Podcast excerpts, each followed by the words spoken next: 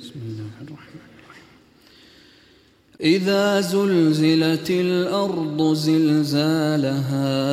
وأخرجت الأرض أثقالها وقال الإنسان ما لها يومئذ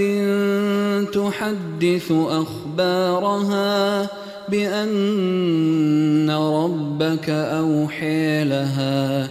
يومئذ يصدر الناس أشتاتا ليروا أعمالهم فمن يعمل مثقال ذرة خيرا يره ومن يعمل مثقال ذرة شرا